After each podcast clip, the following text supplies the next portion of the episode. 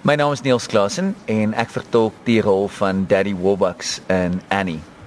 Annie wat 'n verskriklike geliefde wêreldwye suksesvolle uh, musiekblyspel is nou vir baie baie jare. Ek dink hy begin in 1977 en ek dink die groot rede is weens die storielyn.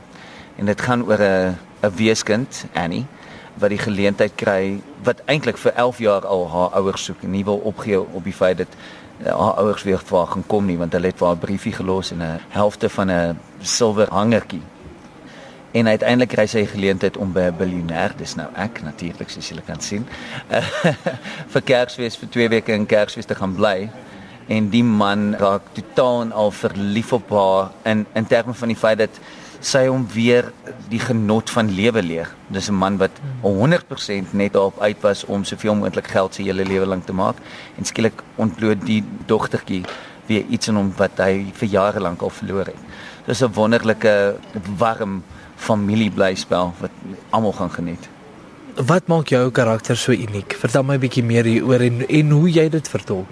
Kyk, ek dink eh, die die die karakter was aanvanklik eh, 'n strokiesprent. Ja.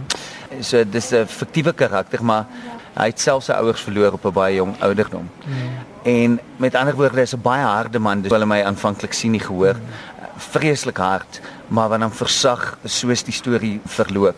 En ek dink dit was my 'n uitdaging maar 'n wonderlike een om die jy weet die dimensie van die karakter regtig te ontwikkel. Ja. Een wat op 'n spesifieke vlak begin, maar wat die gehoor basies op op 'n journey vat waar hy uiteindelik weer versag en 'n mens word as gevolg van die klein dogtertjie en ook liefde vind.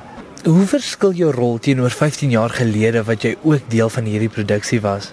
Ek wil sê dit was uh, die produksie van Annie, maar dit was 'n Suid-Afrikaanse produksie. Toe was ek wat hulle noem eh, 'n uh, male swing. Het, eh, wat beteken dat ek moes al die manlike rolle instudeer vir ingeval uh, een van die mans sou obvious. So ek het baie van daai rolle toe vertolk. En nou 15 jaar later is ek weer in dieselfde produksie, maar die keer as Daddy Warbucks wat nog steeds uh, my kop wegblaas. Jy weet ek ek het ek dink tradisioneel is Daddy Warbucks vertolk deur baie ouer mans. En die stuk juis as gevolg van die feit dat hy vernuwe is, het hulle besluit op 'n baie meer op, op 'n jonger geselskap as dit hmm. ware. So van iemand wat die hele vertoning moes ken en net op standby moes wees, tot iemand wat nou die manlike hoofrol van die stuk is. Dit was 'n wonderlike journey as ek alles in ag neem wat gebeur het oor die afgelope 15 jaar. Is dit net vir my 'n uh, uitsonderlike mylpaal amper om van daar tot hier te beweeg. En uh, die rol is net fantasties en soveel komedie en dis, dis enige ek dink enige akteur se droom. Wat was vir jou mees uitdagend behalwe om verskillende dele van die karakter te vertolk? Kyk, ek dink jy weet ek's 'n Afrikaanse man, akteur. So om 'n Amerikaanse aksent te doen is altyd 'n uitdaging. Ek nie Engels nie want ek ja. doen baie werk in Engels maar die Amerikaanse aksent was nogal definitief 'n uitdaging. Eh, ek het net voor die vertoning uh, aan die een gedoen genaamd I Love You Perfect Now Change waar ek baie kort tonele gehad het uh, met verskillende Amerikaanse aksente en dialekte. Mm. Dit was eenvoudig in die sin dat dit vinnig verby is en dan gaan jy oor na 'n liedjie toe. Ja. Hier het mens alle lange monoloë en en dialoog. En so jy weet daar's niks wat my so irriteer om as om in 'n gehoor te sit ja. en om 'n swak aksent te hoor nie. So dit ja. dit, dit was nogal 'n definitiewe gewig op my skouers en ek ek hoop nie ek stel te leer nie. Hierdie stel is nogal baie kontemporêr. Hoe verskil dit met die Broadway produksie? Die is 'n spesifieke aangepaste produksie.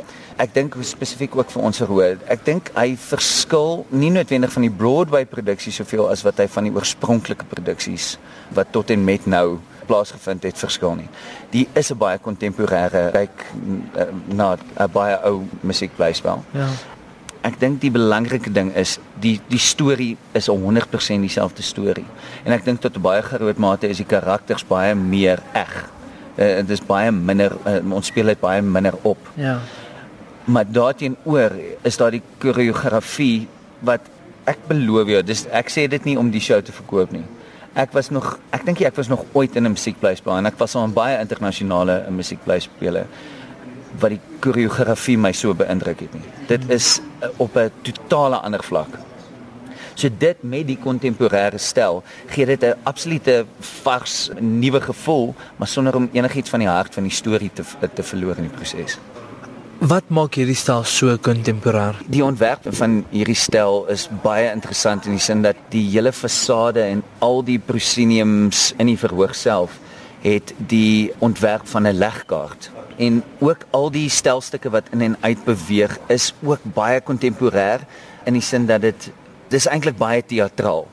So daai teatrale stel elemente wat in en uitskuif teenoor die fasade wat konstant bly wat met met die legkaartstukke is 'n baie interessante contradiction, baie interessante visuele aspek van die vertoning. En dit tesame met die beligting maak dit 'n wonderlike sprankelende musiekblyspel wat letterlik ek kan nie 'n ander woord gebruik nie maar pop. Kan mens Annie 'n kinderproduksie noem?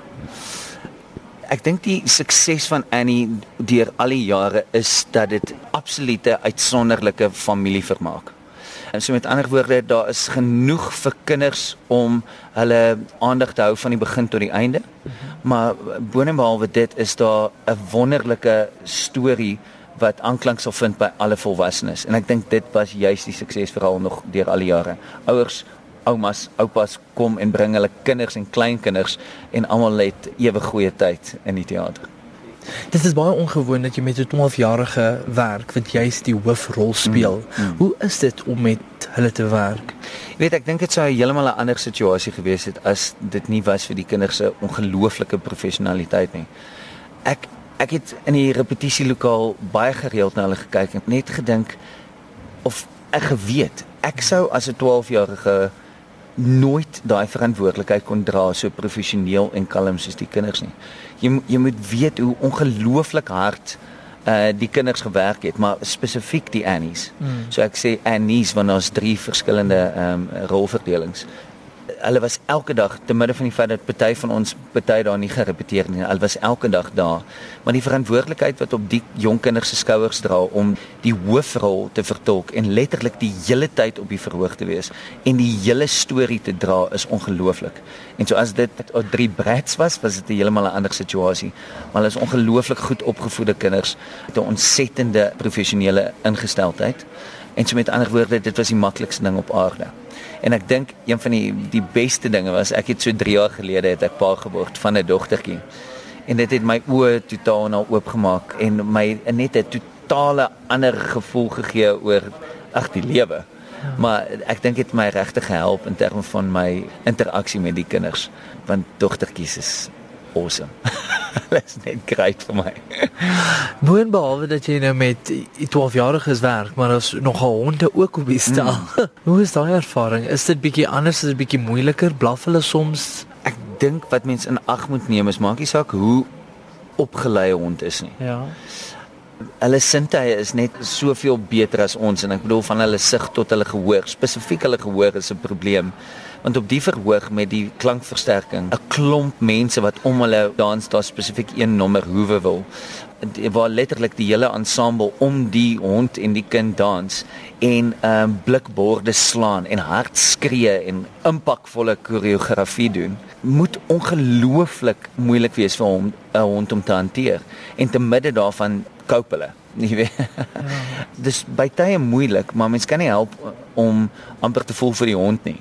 Dit kan nie help om so af te gaan maar as jy in daai situasie was met met ore wat 100 keer beter kan hoor eh, sou jy dieselfde reaksie gehad het. So alles in ag genome is die honde fantasties, maar by tye is dit definitief 'n uitdaging. Maar daai uitdaging is hoofsaaklik uh, iets wat ons Annies moet aanvat, want dis hulle wat die hond in hand het die hele tyd. So ek dink is by tye vir hulle 'n uitdaging, maar hulle soos ek sê, hulle is so professioneel. Hulle vat dit net in hulle in hulle stride.